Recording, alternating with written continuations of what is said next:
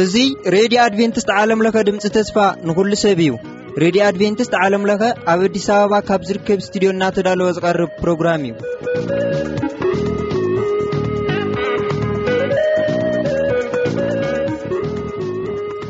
በብዘለኹም ምዃንኩም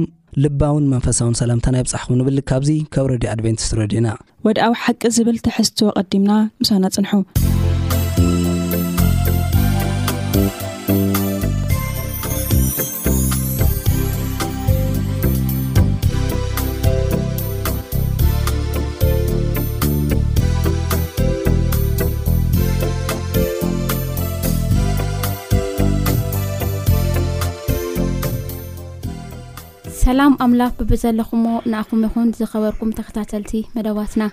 እዚ መደብ ወድዓዊ ሓቂ እዩ ኣብ ናይ ሎም መደብና እቲ መፅሓፍ ቅዱሳዊ መፅናዕትና ክንቅፅል ኢና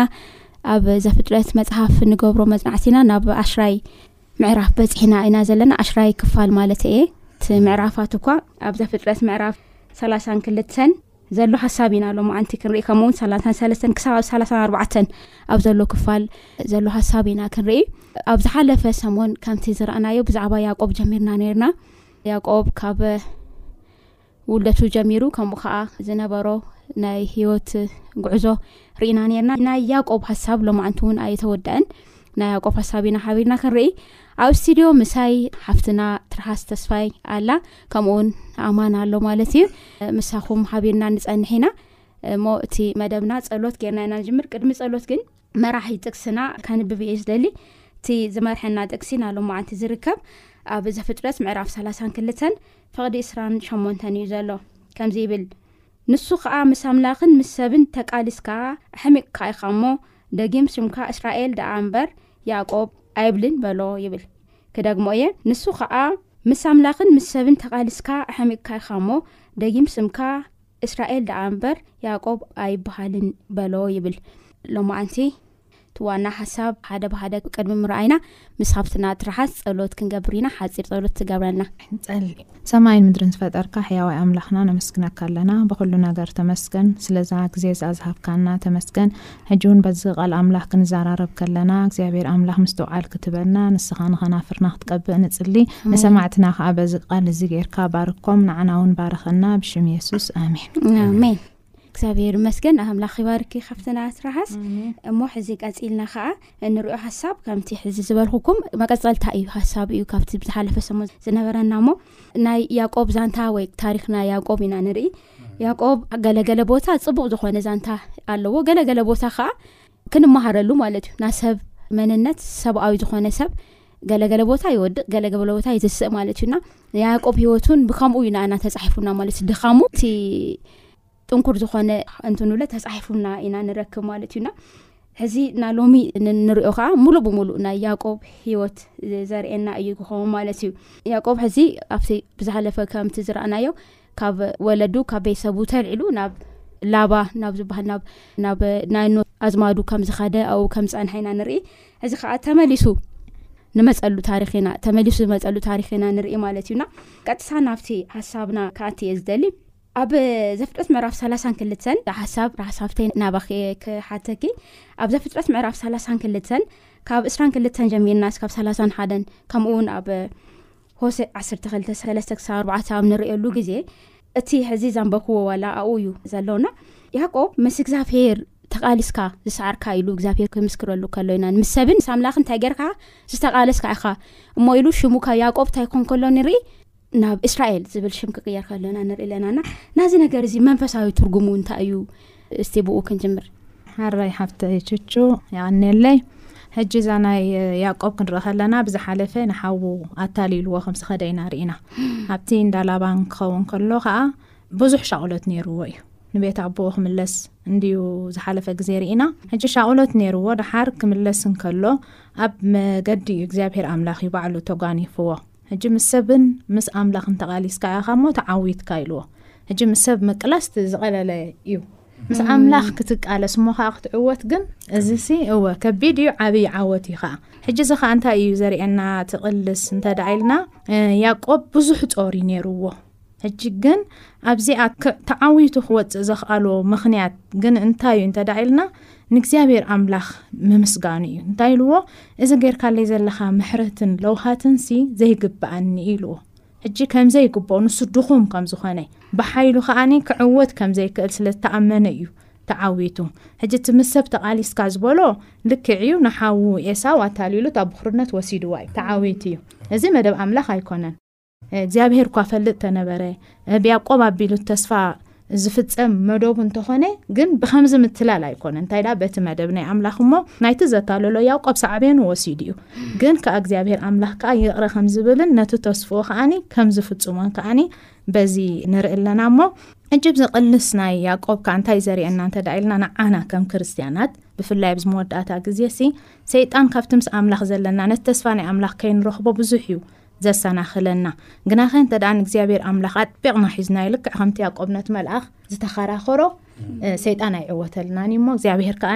በቲ ጸግኡ ገይሩ ሓይሉ ሂቡ ከም ዘዕውተና ካብዚ ናይ ያእቆብ ክንመሃር ንኽእል። እግዚኣብሄር ከኣ ንዓና ምስ ድኻምና ከለና ከም ዘፍቅረና፣ ያእቆብ ምስ ድኻሙ ከሎ እዩ ኣፍቂርዎ እሞ፣ እዚ እስራኤል ዝብል ሽም ከኣ ካብዛ ሰዓት እዚኣ ጀሚሩ ያእቆብ እቲ መታለሊ ዝነበረ ሽሙ እስራኤል ተቐይሮ ኣቦ ብዙሓት ከም ዝኸውን እዚ ዓብዪ ስም እዩ ኣብዛ ቦታ እዚኣ እዩ ምስ ተዓወተ እዩ እሞ እታ ናብ እስራኤል ምቕያር እታ ሽምስኒ ናይ ሓድሽ ህይወት ናይ ዓወት ናይ ምጅማር ንያቆብ ከም ዝኾነትሉ እዚ ከዓኒ ንያቆብ ጥራሕ ዘይኮነ ንዓና እውን ተስፋ ዝህብ ነገር ከም ዝኾነ እዩ ዘረዳእና እሞ ቀሊል ቀልስ ኣይኮነን ምስ ኣምላኽ ተቓሊስካ ምዕዋት እግዚኣብሔር መስገን ብጣዕሚ ደስ ዝብል ሓሳብ እዩ ሓፍትና ትራሓስ እግዚኣብሔር ዋርክይ ምስ እግዚኣብሔር ኣሕዚ እግዚኣብሔር ብኣብርሃም ኣቢሉ ብይስሃቅ ኣቢሉ ብያቆብ ከምኡ ገይሩ እግዚኣብሄር ኪዳን ገይሩ እዩ ድሃር ድኻም ያቆብ ግን ኪዳን እግዚኣብሄር ካፍርስ ይደሊ ማለት እዩ ካብ ግን እግዚኣብሄር እንታይ ገይሩ ይብል ኣብ ማእኸል ጣልቃ ኣትዩ ከዓስ ንያቆብ ሲ ነቲ ድኹም ነቲ ዝወደቐ ማለት እዩ ነቲ ኩሉ ነገር ብባዕለይ ክወስድ እናበለ ልቃለ ዝነበረ ሰብ እንታይ ገይርዎ ሽሙ ክልውጦ ከሎ ኢና ንርኢ እና እግዚኣብሄር ኪዳን ምስ እግዚኣብሄር ኪዳን ኣለና ሕና ምስ እግዚኣብሔር ኪዳን ዘለና ሰባት ኢና ማለት ንሓቂ ቃል ልሃዝና ሰባት ኢና ትወስነና ከዓ እንታይ ደም ክርስቶስ የሱስ እዩ ማለት እዩና እዚ ዓብይ ነገር እዩ ዘርእና ዓብይ ነገር እዩ ዘምህረና ሞ ደጊመ እግዚኣብሄር ዋሪክ ክብለክ ይፈቱ ሓፍትና ትርሓስ ናብቲ ዝቅፅል ሓሳብ ሕቶ ክኸይድ ሞ ድሕሪኡ ኣብ ዘፍጥረት ምዕራፍ ሰላሳን ሰለስተን ካይድና ክንሪኢ ከለና ከዓ እቲ ተቃሊሱ ሽሙ ዝተበሎ ሰብ ኣበይና ንረኽቦ ምስቲ ዝበደሎ ሓዉ ፊት ንፊት ክገጥም ከሎ ኢና ንርኢ ማለት እዩ ንክንደይ ዓማውቲ ተፈላለዮም ንዕስራ ዓመት እዋ ዕስራ ዓመት ዓመት ኣፈላላይ ነይሩ ዕድመ ሓስቦዎ ነና ድሕሪ ዕስራ ዓመት እዮም ክጋነዩ ከሎ ኢና ንርኢ ኣለናና ምስ ኣምላኽ ዘለና ርክብ ዋላ ይኹን ከምኡኻ ምስ ሰብ ምስ ዓዋትና ዘለና ርክብ ከመይ ክኸውን ከም ዘለዎ ካብዚ ነገር ንምሃሮ ነገር እንታይ እዩ ናይዚ ኩሉ ጣጣ ምንጪ ናይ ያቆብ ምትላል እዩ ናይ ያቆብ ምትላል እዩ ክልተ ሻዕ እዩ ንኤሳው ሓዉ ኣታሊልዎ ያቆብ ቀዳማይ ብርስን ብምብላዕ ብምሃብ ካልኣይ መሰዲኡ ተመሳጢሩ እቲ በረኸት ምውሳድ ማለት እዩ ብክርንኡ ወሲዱ ሓሊፉ ከዓ እቲ ምረቓ ከዓ ወሲድሉ እዩ እዚ ምስ ወሰደሉ እዚ ጥራሕ ዘይኮነ ኣብዚ ዕስራ ዓመታት ከዓ እቲ ብዙሕ ፈተናታት ሓሊፉ እዩ ያቆብ ሕድሕድ ዝሓለፎ ሽግራት ሕድሕድ ዝሓለፈ መከራት ላባ የታሎ ነይሩ እዩ ልያ ንራሄል ተገዚእላስ ልያ ክቦ ከሎ ገለ መልታት ክቦ ከሎ እንታይ ዩ ዝሓስብ ነይሩ ዋይ ኣነስ እዚ በደል እዚ ዝበፅሓኒ እዚ ርግማን እዚ ዝበፅሓኒ ዘሎ ሕድሕድ ዘሳላሰ ዝነበረ ንኤሳው ሓወይ ስለ ዝበደልኩ እዩ ዘይከውን ነገር ስለ ዝገበርኩ እዩ ዝብል ናይ ገበነኝነት ስምዒቱ ንስምዖ ነይሩ ዓብ ሸክሚ እዩ ነይርዎ መዓስ ኮነ ነዚ ሓወይ ረኺበ ይቕረ ዝብሎ መዓስ ኮነ ይቕረ ዝብለኒ እዚ መርገምሲ ኻእ መዓስ እዩ ዝለዓል ምኽንያቱ ላባ ኣታሊልዎ እዩ እግዚኣብሔር እኳ ተባረኹ ደጋጊሙ ተኣሽሙ ኣታሊልዎ እዩ ከም ዝበልኩኺ ንዕስራ ዓመታት ኩሉ ዝበፅሑ ዝነበረ ርግማን ኩሉ ዝበፅሑ ዝነበረ ዘይምስኻዕ በቃ ኣነ ሓጢኣት ስለ ዝሰራሕኹ እዩ ሓጢኣተ እዩ ዘእግደኒ ዘሎ እናበለ ይስትርጉሞ ነይሩ ሰብ እዚ ኣብ ኣዝዩ ከቢድ ነገር እዩ ነይሩ ድሓር ግን ተቓሊሱ ከምዚ ሓፍትና ትርሓስ ዝበለቶ ስዒሩ ሽሙ ተቐይሩ ካብ ኣታላሊ ናብ ሰዓሪ ዝብል ተቐይሩ እስራኤል ማለት ሰዓሪ ምስ ኣምላኽን ምስ ሰብን ተቓሊስካ ሓሚቕካ ኢኻ'ሞ እስራኤል ክብለካ እየ፣ ሰዓረ ክብለካ እየ፣ ሰዓሪ ኢኻ ኢሉ ብኣምላኽ ዓቢ ምጽንናዕ ከም ዝተዋህቦ፣ ብኣምላኽ ዓቢ ተስፋ ከም ተዋህቦ ኢና ንርኢ ማለት እዩ። ይቕሬታ ኣምላኽ ከም ዝህበኒ እስኻ ይቕሬታ ክትበልስ ብጣዕሚ እየ ዝምነ ነይረ እሞ ከም ገጽ ኣምላኽ ገይረ ርእያ እሞ በቃ በረኸተይ ተቐበል ይቕረክታ ከም ዝበልካኒ ከም ዝሓቑፍካኒ ሓወኢልካ ከም ተቐበልካኒ ሲ ኣትሊስት በረኸተይ ተቐበል ኢሉ ኤግዛይትድ ኮይኑ ዝዛረቡ ይገብ ኣይፈልጥ ዝገብሮ ይፈልጥ እዩ ኮይኑ ድሓር ስለዚ ኣብዛ ጴኒኤል እትበሃል ኣምላኽ ፊት ንፊት ርእዩ ድሒኑ ዝተረፈላ መቸም ገጽ ኣምላኽ ንሕና ሓጢኣተኛታት ገጽ ኣምላኽ ርኢና ክንድሕን ኣይንኽእልና ምክንያቱ ኣምላኽ ዝበልዕ ሓዊ እዩ ንመን ንሓጢኣት ንሕና ሓጢኣተኛታት ኢና ኣብ ቅድሚ ኣምላኽ ብርሃን ክንቀርብ ከለና ንጠፍእ ኢና ያዕቆብ ግን ገጽ ኣምላኽ ርዩ ድሒኑ እዩ ብጸጋ ኣምላኽ ተሸፊኑ ማለት እዩ ኢና ንርኢ ማለት እዩ ኣብዚ እንታይ እዩ ዘርእየና ክንብል ከለና እንገብሮ በደል እንገብሮ ሓጢኣት ክሳብ ክንደይ ኣብ ማእገርና ሸኽሚ ከም ዝኾነና፣ ክሳብ ክንደይ ከም ዘጎብጠና፣ ክሳብ ክንደይ ከም ዝኸብደና ዘርኢ ትምህርቲ እየ ርእየ ኣነ ማለት እዩ። ስለዚ ካብ ሓጢኣት ክንርሕቕ ኣለና። እንደገና ካብ ሓጢኣት እንተ ደኣ ድሕሪቕና ከኣ ንይቅርታ ልብና ክፉት ክኸውን ኣለዎ። ብይቅርታ እዚ ዝኸበደና ሸኽሚ ክንናገፍ ንኽእልና፣ ነጻ ክንወጽእ ንኽእልና እሞ ይቕሬታ ወሃብትን ተቐበልትን ክንከውን ከም ዝግብኣና እውን ካብዚ ዓቢ ትምህርቲ ተመሃርኩሉ እዩ እዚ ታሪኽ። ኣሜን እግዚኣብሔር ይመስገን ኣምላኽ ይባርካ ሓውና ኣማን ስለዚ ይቅርታ ንኣምላኽ ከምኡ ከዓ ይቅርታ ንሰብ እውን ወሳኒ ከም ዝኾነ እዩ ሕዚ ነገረይ ምስ ኣምላኽ ወዲኤ እኒኤኹ ገለ ኢልካ ኣብ ውሽጥኻ ቅምታ ሒዝካ ወይ ከዓ በደል ሒዝካ እንተተኸይድካ ክርስትና ናብ ዋጋ የብሉ ማለት እዩና ካብ ያዕቆብ ንመሃሮ ዓብዪ ነገር እንታይ እዩ እግዚኣብሄር እንዳውም እንታይ ይብል ክርስቶስ እንታይ ኢሉ ናብ ፀሎት ቅድሚ ምቅራብካሲ ዝበደልካዮ ሓውካ እንታይ ግበር ይብል ካሲ ተዓረቕ ይብል እና እግዚኣብሄር ናይ ያቆብ ሓንቀውታ ርእዩሉ ማለት ውሽጡ ርእዩሉ ካብኡ ደሓረ ነገራት ኩሉ ከመቻች ከሎ ኢና ንርኢ ኢልና እቲ ናይ ያቆብ ኣብ ውሽጡ ዘሎ ናይ በደልኛ ስሜት ምስ እግዚኣብሄር ምስ ወደአ ድሕሪኡ ከዓ ምስ ሓዊ ንክውድእ እግዚኣብሄር ቀዲሙ ሰሪሕሉ መንፈስ ቅዱስ ልኢኩ ሰሪሕሉ ማለት እዩና ልክዕ ከምኡ ሕና ንኣምላኽ ምብዳልና ፈሊጥና ኣብ ቅድሚኡ ክንከውን ግድን እዩ ማለት እዩ ብድሕሪኡ ግን እቲ ንሰብ ዝበደልናዮ ለ ታይ ክንገብር ኒኤና ክንፈትሖ ከም ዘለና ካብዚ ዓብይ ነገር ንምሃር ኢና ማለት እዩና ምስ ሰብ ምስ ኣምላኽ ዘለና ተመክሮ ንምምድ ጉዕዞ በቃ ሰላማዊ ክኸውን ከም ዘለዎ እዚ የርእየና። ኣብቲ ቀጻሊ ዘለዎ ሓሳብና ክንከይድ እሞ ያዕቆብ ናብ ሓዉ ብሰላም መጺኡ ይብለና። ዘፍጥረት ምዕራፍ 33 ፍቕዲ 18 ክንርኢ ከለና እንታይ ይብለና? ያዕቆብ ሲ ያዕቆብ ድማ ካብ ጴዳን ኤራም ምስ መፀ ኣብ ምድሪ ከነኣን ናብ ዘላ ከተማ ሴከም ብድሓን ኣተወ ድሓን ኣተወ ይብል እዚ ድሓን ዝብል ሓሳብ እንታይ ይብለና ሰላም እዩ ዝብል ሻሎም እዩ ዝብል ማለት እዩ እና ደሓን ኮይኑለይ ሰላም ኮይኑለይ ኢሉ ከም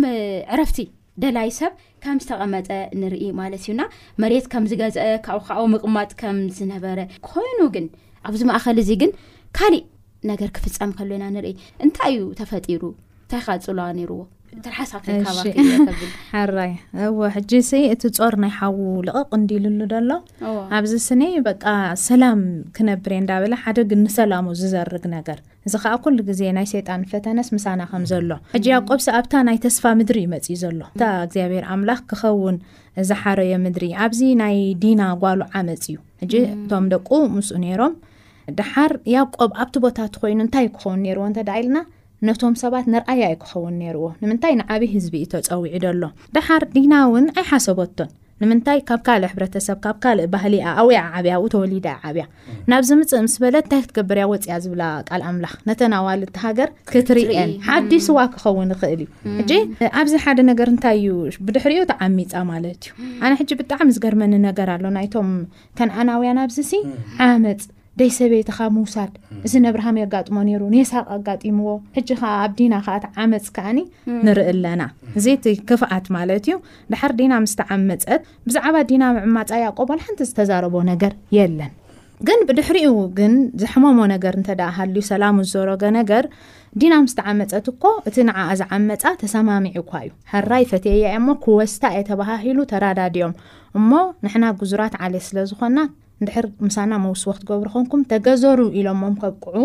ሓራይ ኢሉ ክነሱ ደቂ ያቆብ ግን እንታይ ገይሮም ምስ ቁስሎም ከለዉ እዩ ከማን ዝብለና ሓደጋ ወዲቖሞም ንብምልኦም ከ እንታይ ገይሮሞም ቀቲሎሞም እዚ ሕጂ ንያቆብ ባሃዮ በሎ ንምንታይ ንጥዑም ጨና ክትኮኑ ነይሩኩም ኣይኮንኩምን ንብሎም ነይሩ እቲ ንጥዑም ጨና ማለት ሲ ንዓነ እንታይ እዩ ዝብለና ክርስቶስ ንስኻትኩም ሲ ጨው ምድሪ ኢኹም ንሕና ክርስትያናት ብክርስቶስ ዝኣመና ኣብ ምድሪ ብምህላውናስ ንዓለምሲ እንታይ መቐረታ ኢና ሕጂ ደቂ ያእቆብ ከኣ ልክዕ ነቲ ተስፋታት ኣምላኽ ሒዞም ነቶም ህዝብታት እንታይ ክኾንዎም ነይርዎም ኣርኣያ ክኾንዎም ነይርዎም ግን እዚ ኣየተግበርዎን እቲ ዘሕመሞ ነገር ንያእቆብ ከዓኒ እዚ እዩ ሕጂ ብተወሳኺ ብዚ እንታይ ኢና ንርኢ እቲ ብዛዕባ ዓመፅ ከዓ ማዕረ ክንደይ ኩፉእ ነገር ከም ዝኾነ ናብ ምንታይ ከም ዘምርሐ ኢና ንርኢ ናብ ቅትለት ከም ዘምርሐ እሞ ንያእቆብ ምስ ስድራ ቤቱ ኸኣ እንታይ ከም ዝገበረ ሰላሞም ከም ዝዘረገሎም እሞ ናይ ብሓቂ ሰይጣን ከዓ ኩሉ ግዜ ዋላ ኣብቲ እፎይ ዝበልናሉ ሰላም ውሽጥና ዕረፍቲ ዝመልኣሉ እንታይ ከም ዝኾነ ከም ዝፈታትነና ብክፉእ ነገር ከም ዝፍትነና ከዓ ኣብዚ ንርኢ ኣለና እሞ ደሓር እቲ ናይ ስዕብና ክንሪኦ ኢና ዋላ እኳ ምስ ከምዚ ዓይነት ክፍኣት ይሃልዎም እምበር እዞም ዓሰርተ ክልተ ነገድ ደቂ ያእቆብ ዓሰርተ ክልተ ነገድ እስራኤል እግዚኣብሄር ብኸመይ ዓይነት የሕልፎም ከም ዝነበረ እግዚኣብሄር ከኣ ነቲ ዝሓሰቦ ኪዳን ከኣ በዚ ናይ ሓጢኣት ዘምጽኦ ነገራት ከም ዘየቋርጾ እቲ ዝመደቦ ነገር ከም ዝገብሮ ከዓኒ ስዒብና ክንርኢ ኢና ይገርም እዩ ብጣዕሚ እና እዚ ሰላም ከተማ ኢሉ መሬት ገዚኡ ሰላም በቃ እኒኦኻ እዚ ወዲኤ ኢሉ ተቐመጠ ያዕቆብ እንደገና ካሊእ ሰላሙ ዝዝርግ ነገር ክፍጠር ከሎ ኢና ንሪኣ ሕዚ ኣብዚ ኣብ ዘፍጥረት ሰላሳን ኣርባዕተ ነዚ ዝረኣናዮ ሙሉእ ሓሳብ ማለት እዩ ኣብ ምትላል ምጭብርባር ኣብ ምቅትታል ዝተመለ እዩ ማለት እዩ ብዚ ኩሉ ግን ናይ እግዚኣብሄር ሕዚ እውን ፀጋ ናይ እግዚኣብሄር ሓለዋ ናይ እግዚኣብሄር ፍቕሪ ኣብኡ እውን ዝተገለፀሉ ኩነታት ንሪኦ ኣሎ ናብቲ ዝቅፅል ሓሳብ ክኸ ድሞ ኣማን ሓወይ ናባኻ ክመፅሞ ኣብ ዘፍጥረት ሰላሳን ኣርባዕተን ሕዚ እውን ኣብኡ ከይወፃእና ካብ ሰላሳ ክሳብ ሰላሳን ሓሙሽተን ሓደ ነገር ተኸሲቱ ንርኢ ኣብ ጣዖት ነይሩ ኣብቲ ጣዖት ግን ዓወት ክኸውን ከሎ ኢና ንርኢ ኣለናና ሕና እቲ ሓቀኛ ኣምልኾ እንታይ ክመስል ኒዎ እዚ ከዓ ንመሃሮ ነገር እንታይ ዩ ዘፍጥረ 34 30 ስካ 35 ናብ ዘለዎ ማለት እዩ ሕራይ ሓደ ያቆብ ክዓርፈሉ ዘይከኣለ ነገር ድማ ነይሩ እዩ ብተደጋጋሚ ኣብ ዘፍጥረት ምዕራፍ 31 ኬና ንሪእየሉዋን ራሄል እታ ዝፈትዋ ኣደ ቢንያምን ዮሴፍን ጣውት ኣቦኣ ሓቢኣ ትኸይድ ከም ዝነበረት እዩ ዝነግረና ብውሽጢ ውሽጢ እውን ብምልኦም እቶም ቤተሰቡ ጣዖት ዘምልኹ ሰባት ከም ዝነበሩ ጣዖታቶም ምሳና ክኸዱ ኣማልኽቶም ምሳና ክኸዱ ኢሎም ኣብ ቀለበቶም ኣብ እዛኖም ኣብ ከምዚ በናጀር ኣብዚ ናይ ኢዶም ገይሮም ይኸዱ እዚ ነገር እዚ ንያቆብ ክዕርፎ ዘይከኣለ ከዓ ካልእ ጉዳይ እዩ ነይሩ ይፈትዎም እዩ ቤተሰቡ ራሄል ብጣዕሚ እዩ ዝፈትዋ ራሄል ልያ ፈትዋ እዩ ካልኦት ፈትዎ እየን ግን ናይ ጣዖት ኣምልኾ ሰፊሑ ነይሩ ኣብቲ ቤተሰቡ ያዕቆብ ከም ዝብለኪ ዘለኹ ንሱን ኣንስቱን ቤተሰቡን ደድሕሪኡ ከዓ ዝገዝኦም ባሮታቱን ብጣዕሚ ብዙሓት እዮም ነሮም እቲ ቤተሰብ ናይ ያዕቆብ ባዕሉ ሰፊሑ ነይሩ ኣብዚ ሰፊሕ ቤተሰብ ድማ ጣዖት እንታይ ኮይኑ ነይሩ ሰፊሑ ሰፊሑ ሰፊሑ ሰፊሑ ሰፊሑ ነይሩ እዚ ንያዕቆብ እንታይ ከም ዝገብር ብጣዕሚ ጨኒቕዎ ነይሩ እዩ እግዚኣብሄር ግን እዚ ጌርካ ኢኻ እሞ ቤተሰብካ ከተመዓራሪ ይከኣልካን እሞ ምሳኻ ይከውኒ ኣይበሎም እንዲያም ተጓዕዙ ይብለና ኣብ ዘፍጥረት ምዕራፍ 35 ኣብተን ኣብ ዙሪኦም ዝነበራ ከተማታት ድማ ዓብዪ ፍርሓት ኣምላኽ ኮነ እሞ ንደቂ ያብቆብ ኣያሰጓጎም ሞጎስ ኮይኑ እንዲያም ፍርሓት ኣምላኽ ኣብ ዙሪኦም ክሰፍር እዩ ገይርዎም እግዚኣብሄር ድሓር ያቆብ ኣተሓሳሲቦ ሓደ ነገር ድማ ከምዚ በለ ኢና ንርኢ፣ ናብ ቤት-ኤል ኣብ ዝኸዱሉ እዋን ማለት እዩ፣ ኣነ ክስውእ እየ መስዋእቲ። መስዋእቲ ክስውእ እንተኾይነ ከኣ ነገራት ኩሉ እንታይ ክኾን ኣለዎ? ጽሩይ ክኸውን ኣለዎ። ተረፍ መረፍ ክህሉ የብሉን። ምስጋና ንኣምላኽ ክህብ እየ። ስለዚ እንታይ ግበሩ? ጣኦታትኩም ኣወግዱ ክብሎም ከሎ ኢና ንርኢ። ከንብባ ይደሊ ኣብ ዘፍጥረት ምዕራፍ 35 ፍቕዲ ክልተ ትሒዘ ከንበ ሽዑ ያቆብ ንስድሩን ምስ ዝነበሩ ኩሎም ንኣብ ማእከል ዘለዉ ጓኖት ኣማልኽቲ ኣርሕቑ ጓኖታ ማለት እንታይ ግበሩ ኣርሕቑ ፅረዩ ክዳውንትኹም ለውጡ ንተን ስእና ኣብ ቤተል ድማ ንደይብ ኣብኣ ከዓ ነተን ብመዓልቲ ፀባባይ ዝሰምዓና ኣብኡ ዝኸድክዎ መንገዲ ምሳይ ዝነበረ መስውጥ ክገብር እየ በሎም ይብል ቁፅሪ ኣርባዕተ እዛ ዝዛረባ ፀንሐ ኣብ ኢዶም ዝነበሩ ኩሎም ጓኖት ኣማለኽቲ ሕጂ በናጅር ተባሂሉ ኣብ ኢድ ዝግበር ማለት እዩ ኣብ ኢዶም ዝነበሩ ኩሎም ጓኖት ኣማለኽቲ ኣብ እዛኖም ዝነበረ ቀለበትን ንያቆብ ሃብዎ ዙሲ ስቑሬ ማለት እዩ ተሰቑሮም ያዕቆብ ድማ ኣብ ትሕቲ ኣብ ጥቓ ሰኬም ዘሎ ድዋ ሓብኦ ወይ ድማ ቐበሮ ይብለን ደሓር ከይዱ እቲ ዝሰምዖ እግዚኣብሄር ኣብ ቤትኤል ቤትኤል ማለት ኣምላኽ ምስኡ ከም ዝኾነ ብጣዕሚ ኣብ ተጨነቀሉ ግዜ ኣምላኽ ምስኡ ከም ዝኾነ ንኸርኢ ኢሉ መሳል ኣብ ሕልሙ መሳል ዘርኣየ እዩ ሎዛ እያ ትበሃል ነራ ናይ ቤትኤል ሽበር ብመጀመርያ ሎዛ እያ ትበሃል ነራ ድሓር ኣብ ፍርሕን ኣብ ጭንቅን ስለ ዝነበሮ ግን ብሕልሚ እግዚኣብሄር ምሳኻ እየ ኢሉ መላእኽቲ ክወርዱን ክድይቡን ከም ዘርኣየ ኢና ንርኢ። ኣነ ናብ ሰማይ ዝዝርግሕ መላእኽቲ ልኢኸ ረድኣካ እየ ዘለኹ፣ ክረድኣካ እውን እየ፣ ክሕግዘካ እውን እየ፣ ምሳኻ ክኸውን እየ ብዝብል ኮንፊርሜሽን ዝሃቦ ቦታ እዩ። ድሓር ናብዛ ቤቴል ተመሊሱ ኣነ ንኣምላኽ ሎዛ ዝነበረት ቤት እግዚኣብሄር ዝኾነት እግዚኣብሄር ዘለወላ ቦታ ንኣምላኽ ከመስግነላ እየ እሞ ንዕና ኢሉ ሒዝዎም ከም ዝኸደ ኣብኡ ኸኣ መስዋእቲ ከም ዘቕረበ ኢና ንርኢ ስለዚ ኣብዛ ቤትኤል ትበሃል ከዓ ካልኣይ እንደገና ታሪክ ከም ተሰርሐ ኢና ንርኢ ዘለና ማለት እቲ ታሪክ ከዓ እንታይ እዩ ጣዖታት ክውገዱ ከለዉ ካብ ቤተሰብ ኢና ንርኢ መጀመርያ ምፅንናዕ ዝረኸበላ ቦታ እያ ነራ ቤት እግዚኣብሄር ዝበላ ሎዛ ዝነበረት ቦታ ቤትኤል ዝበላ እያ ነራ ሕጂ ከዓ እንደገና ካልእ ታሪክ ክስራሕ ከሎ ንሶ ድማ ጣዖታት ካብ ቤት ያዕቆብ ድማ ክርሕቁ ከለዎ ኢና ንርኢ ማለት እዩ ስለዚ ቤትኤል ኣዝያ ዝገርም ስም ከምዝኾነት ቦታ ከምዝኾነት ንያዕቆብ ኣብ ታሪኹ ብጣዕሚ በነገራችን ላይ ኣብዚ ሓደ ክውስኮ ዝደሊ ኣነ ካብ ቀደመይ ኣነ ሓዳር ተገይረ እግዚኣብሄር ውላድ ተሂብኒ ቤተኤል ኢለ የስይማ ኢለ ዝብል ነይሩ ይገርም እዩ ካብ ዝገርም ማለት እዩ እና ናይ ቤተኤል ታሪክ ፍሉይ እዩ ክብል ደለ ኣብዚ ማለት እግዚኣብሄር ይመስገን ኣነ ካብዛ ናይ ሓውና ኣማንሲ ንእሽተይ ክውስኸላ ማለት ኩሉ ግዜ እቲ ቃል ኣምላኽ እንታይ ይምህረና ንዓና እንዲና ንብል ሕጂ ያቆብ እንተ ርእናዮ እንታይ ክገብር እዩ ንቤተኤል ከይዱ እንተ ኢልና ድሕሪ እቲ ደቁ ጌጋ ነገር ምስ ገበሩ ማለት ክንሳ ናይ ንስሐ እዩ እቲ ኣብኡ መስዋእቲ ከቕርብ እንዲ ከይዱ ናይ ንስሐ እዩ ሕጂ ግን እንታይ ኢልዎ እግዚኣብሄር እንተ ኢልና ናብቲ ቦታት ክኸይድ ከሎ ነቶም ጣኦታትካ ኣወግዶም ሕጂ እቲ ጣኦት ምውጋድ ኪኖቲ ብኣካል ካብ ሴኬም ወፂኻ ናብ ቤትኤል ምኻድ እቲ ኣብ ውሽጢ ዘሎ ሓሳብ ናይ ጣኦት እውን ክወፅእ ከም ዘለዎ ሕጂ ጣኦት ኣብቲ ደርቢኻ እኮ እንድሕር እቲ የእምሮኻ ምስቲ ኣምልኾ ጣኦት እንተ ኮይኑ ዋላ ሓንቲ ትርጉም የብሉን ሕጂ ካብዚ ከዓ ንሕና እንመሃሮ ነገር እንተ ሃልዩ ንሕና ኩሉ ግዜ ንብድል ኢና እሞ ናብ እግዚኣብሔር ኣምላኽ ከኣ ናብ ንስሓ ንቐርብ ኢና። ግን ክንቀርብ ከለና ምስ ጣኦትና ከይንቐርብ ሕጂ እቲ ንንስሖ እቲ ንሓውና ይቕሬታ ንብለሉ ስማዊ ጥራሕ ከይከውን እንታይ ደኣ ብውሽጥና ይቕረ ክንብለሉ ሓደ ሓደ ግዜ እኮ ምስ ሰብቲ ብትቀያየ እሞ ሰብ ክዓርቀካ መጽእ ሕጂ ኣብቲ ሕብረተሰብና ኣሎ ንዝግጥ ዓሞ በቃ እስከ ንዝግጥ ዓሞ እዝግዲ ጥዕሞ ግን መዓስ እዩ እግዚኣብሄር ዝጥዕሞ ካብ ውሽጥና ይቕሬታ ምስ እንብል ኢና እምበር ንሰብ ኢና ዝሓይሽ ንገብር ዘለና ስለዚ ካልእ እውን ብዙሕ ንኣና ጣኦታት ክኾኑና ዝኽእሉ ኣለዉ። ናብ እግዚኣብሔር ኣምላኽ ብምሉእ ንስሓ ከይንቐርብ ገንዘብ ክኸውን ይኽእል፣ ውላድ ክኸውን ይኽእል፣ ገዛ፣ ሃብቲ፣ ስራሕ፣ ዝና እዚ ብምሉእ ንዓና ጣኦት ኮይኖም ንድሕሪት ክመልሱና ክእሉ እዮም እሞ ኣብ እግዚኣብሔር ኣብ ንቐርበሉ ግዜ ብንጹህ ልብና ንኹሎም ጣኦታትና ኣወጊድና ክንቀርብ ከዓ ካብዚ ናይ ያዕቆብ ትምህርቲ ክንረክብ ንኽእል። ኣሜን። እግዚኣብሔር ይመስገን። ኣሜን። እሞ ናብቲ ዝሓዝናዮ ሓሳብ ናብ መወዳእታ እናመፅና ዘለና ኣብ ዘፍጥረት ምዕራፍ ሰላሳን ሓሙሽተን ካብ ፈቕዲ ዓሰርተ ሓሙሽተ ጀሚርና ስካብ ስራን ትሽዓተን ዘለው ሓሳብ ኢና ንመፅእ ሕዚ ያቆብ በረከት ካብ እግዚኣብሔር ተቐቢሉ ሽሙ ያቆብ ዝብል ሽም ዝነበረ እስራኤል ዝብል ስም ዝተዋሃቦ ብእግዚኣብሔር ዝሕጎስ ሰላመ እግዚኣብሄር ኢሉ ደሓን ኢሉ ናይ እግዚኣብሄር ሰላም ዝረክብ ሰብ እዩ ኣብ ሂወቱ ከዓ ዝተፈላለዩ ነገራት ክገጥሙ ከሎ ኢና ንርኢ ራሄል ከኣ እታ መጀመርያ ጀሚሩ ሸውዓተ ዓመት ዝተገዘአላ ንኣ ብዙሕ ነገር ዝተበሎ ኣብ ዘፍጥረት ምዕራብ ሰላሳን ሓሙሽተን ካብኡ ትፍለዮ ከለና ንርኢ ማለት እዩና እዚ ሓሳብ እዚ ናይ ቅዱሳን እግዚኣብሄር ማለት እዩ ቅዱሳን እግዚኣብሄር ኮይና ንንጓዓ ሰባት ናይ ያቆብ ሂወት ዘምህረና ነገር እንታይ እዩ ኣዋድሂብና ናይ መወዳእት ሓሳብ ክንህብ ኢና ሞ ክንዛዝም ኢና ሓፍትና ትርሃስ ብኣኺ ከብል። እሞ ናይ ያቆብ ሕጂ ታሪኽ ከምዚ ክንብሎ ዝጸናሕና እዩ እሞ ደሓር ኣብቲ መወዳእታ ሓሳብ ክንከይድ ከለና ከዓኒ ኣብዚ ንያቆብ እውን ካልእ ነገራት ከም ዘጋጠሞ ንርኢ ኣብ ሰለስተ ነገራት ንርኢ ሓደ ራሄል ከም ዝሞተት ራሄል ከዓ መዓስ እያ ሞይታ እንተ ኢልና ንቢንያም ትሕሳስ ልደ ክትወልድ እያ ሞይታ ቢንያም እውን ከም ዝተወልደ እቲ ምውላድ እኳ ጽቡቕ ተስፋ እንተኾነ ራሄል ግን ሞይታ። እንደገና እቲ ሳልሳይ ፍጻሜ ከኣ ሮቤል በኹሪ ወዱ ንያእቆብ ከኣ ምስ ሰበይቱብኡ ከም ዝነወረ። ሕጂ ኣብዚ ሰለስተ ፍጻሜታት ንርኢ ኣለና እሞ እቲ ራሄል ክትመውት ከላ ከኣ እቲ ኣይትፍርሂ ኢላታ እታ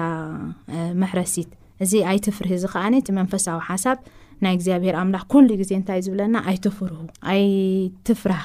ዝብል ነይሩ ንኣጋር ውን ኣይትፍርሂ ተባሂላ ሕጂ ድሓር እቲ ዛንታ ስዒብና እንተ ርኢናዮ ብርግጽ ብራሄል ከም ዝኾነት ተስፋ ናይ ክርስቶስ ከዓ ንርኢ እዚ መንፈሳዊ መልእክቲ ከም ዘለዎ ንርኢ ካልእ ከዓ ኣብዚ ንሪኦ ነገር እንተ ሃሊና ኣነ ንመን ከዋዳድር ደሊ ንያቆብን ንሮቤል ወዱ ናብዚ ያቆብ ሕጂ ብምትላል ደኣ ይኹን እምበር ነቲ ብኹርነት እቲ መንፈሳዊ ብኹርነት ኣሎ ስጋዊ ብኹርነት ኣሎ ነቲ መንፈሳዊ ብኹርነት እኮ ፅቡቅ እዩ ሓርዩ ብስጋ ብትውልዲ ቀዳማይ ዝወፀ ኤሳው እዩ ግን ነቲ መንፈሳዊ ብኹርነት ረኺብዎ እዩ ስለ ብልቡ ዝደለዮ ሮቤል ግን ነታ ብኹርነቱ እንታይ ገይርዋ እንተ ደኣ ኢልና ሸይጥዋ እዩ ንዒቕዋ እዩ ልክዕ ከም ኤሳው ኤሳው ከ ብብልዒ እዩ ሸይጥዋ ሕጂ ኸዓ ሮቤል ስለ ዝነወረ እታ በዅርነት ወይ እቲ መሰል በዅርነት ክወስዶ ዝግባእ እንታይ እዩ እቲ መሰል እንተ ደኣ ኢልና እቲ ዘርኢ ናይ የሱስ ክርስቶስ ብመን በቲ በዅሪ እዩ ክቕጽል እዚ ግን ሮቤል ኣይረኸቦን መን እዩ ረኺብዎ እንተ ደኣ ኢልና ብይሁዳ እዩ እቲ ዘርኢ ዝመጽእ እሞ ኣብዚ ግን ሓደ ነቲ ናይ እግዚኣብሔር ኣምላኽ ዓብዪ ምህረት ዝምህረና ነገር እንተ ደኣ ሃልዩ ዋላ እኳ ሮቤል ነዚ በዅርነት እዚ ይትረፎ እምበር እቲ መደብ ናይ ኣምላኽ ብበዅሪ ዝኸውን ግን እግዚኣብሔር እንታይ ከም ዝገብሮ ከም ዝፍጽሞ እዚ ከዓ እግዚኣብሄር ናይ ጸጋ ኣምላኽ ምዃኑ ምሕረተኛ ኣምላኽ ምዃኑ የርእየና እሞ ብሓፈሽኡ ካብዛ ናይ ሎሚ ዓንቲ መጽናዕቲ መጽሓፍ ቅዱስና እንታይ ተማሂርና እንተኢልና ንዓና ኩሉ ግዜ ካብ ኣዳምን ሂዋንን ኣትሒዝና እሞ ንረኣዮ ብድሕሪኡ ናይ ኖህ ናይ ህዝቢ ዓለም እዩ ዝብሎ ውሕዳት እዮም ነይሮም ኣብቲ ኖህ ዝነበረሉ ግዜ ብድሕሪኡ ናይ ኣብርሃም ናይ ኢሳቅ ናይ ያቆብ ሕጂ እቲ መደብ ኣምላኽ ኣብ ቦትኡ ኣሎ ንሕና ግን ነቲ ተስፋታት ናይ ኣምላኽ ኩኩሎም ይፈልጥዎ ነይሮም እዮም ግን እቲ መገዲ እንታይ ይገብሩ ነይሮም ይጠዋውይዎ ነይሮም ብናይ ሰብ ጥበብ ክረኽብዎ ይሓስቡ ነይሮም እግዚኣብሄር ከዓ ኩሉ ግዜ እንታይ ይገብረና የቕንዓና ሕጂ ንሕና እውን እቲ መወዳእታት ተስፋና ናብቲ ናይ ዘለኣለም ሂወት ምውራስ እንድዩ ግን ብዙሕ ሃርጎፅጎፅ እዩ ደሎ እግዚኣብሄር ግን ምሳና ከም ዘሎ ነቲ ንሕና ብዕሽነትና ነባላሽዎ ነገር ኩሉ ግዜ እንታይ እንዳገበረልና እዩ ዝኸይድ እንዳዓረየልና እንዳዓረየልና እሞ ንሕና ከዓ ልክዕ ከምቲ ያቆብ ኣፅኒዑ ዝሓዞ እሞ ከይባረኽካኒ ኣይሓድገካን እየ ዝበለ ነቲ ሰይጣን ኩሉ ግዜ ክቃለሰና ሕሹኽ ዝብለና ከይሰማዕና እግዚኣብሄር ምሕረተኛ ፈቃር ምዃኑ እሞ ነቲ ተስፍኦ ከዓ ዘይጠልም ምዃኑ ኩሉ ግዜ ኣብቲ መገድና እቲ ዝኸበደና ጾር ንኣምላኽ ከነቕርብ ከም ዘለና ካብዚ ናይ ያእቆብ ኹን ካብቶም ናይ ዝሓለፉ ኣቦታትና ንምሃር ዕብራውያን ምዕራፍ ዓሰርተ ሓደስ እንታይ ይብለና ብምሉኦም እቶም ናይ እምነት ኣቦታት ኣብኡ ምስ ጠቐሶም ስኒ ንሕናስ ብክንድዚ ዝኣክል ደበና ምስክር ተኸቢብና ከለናስ ነቲ ዝጠብቀና ሓጢኣት ነርሕቕ ኣብ እምነትና ከዓ እንታይ ንግበር ንጽናዕ ሕጂ ከም ሓቂ ክንሪኦ ከለና እኮ ንዓና ብዙሕ ምስክር ኣለና እቲ ቃል ኣምላኽሲ ናይ ብዙሕ ሰባት ህይወት እዩ ምስክር ዝሓዘ እዩ እሞኒ ቀንዲ ከማን ንሕና ኢና ንምእማን እንታይ ክንከውን ዝግብኣና ቀረባ ዝግብኣና እሞ በቲ ሓደ ሸነኽ ከዓ ኣብዚ ናይ መወዳእታ ግዜ ኣብዚ ዓመፅ ሓጢኣት ዝበዝሖ ከዓ ንሰይጣን ከዓ ከውድቐና እዩ ዝሓስብ እሞ ምስ እግዚኣብሄር ኦረዲ ኣምላኽ ተዓዊቱ እዩ ክርስቶስ ዕውት እዩ እሞ ምስቲ ተዓወተ ክርስቶስ ክንከውን እዚ ብናህና ክእለት ዘይኮነ ብፀጋ ኣምላኽ እዩ እሞ እግዚኣብሄር ነዚ ክንገብር ይሓግዘና ኣሜን እግዚኣብሄር ይመስገን እዚ ኸበርኩም ተኸታተልቲ መደባትና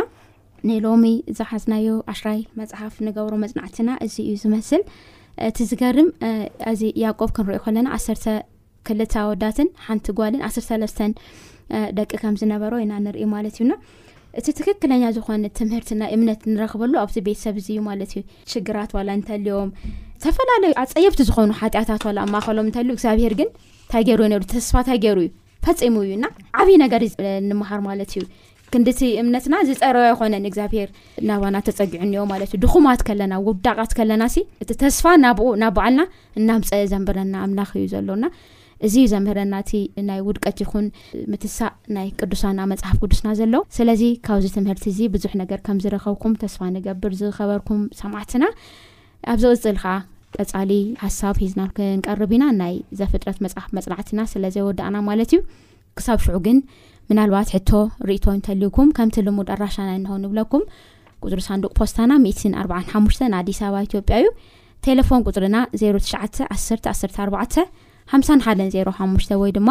09 21 88 49 12 እንትኸውን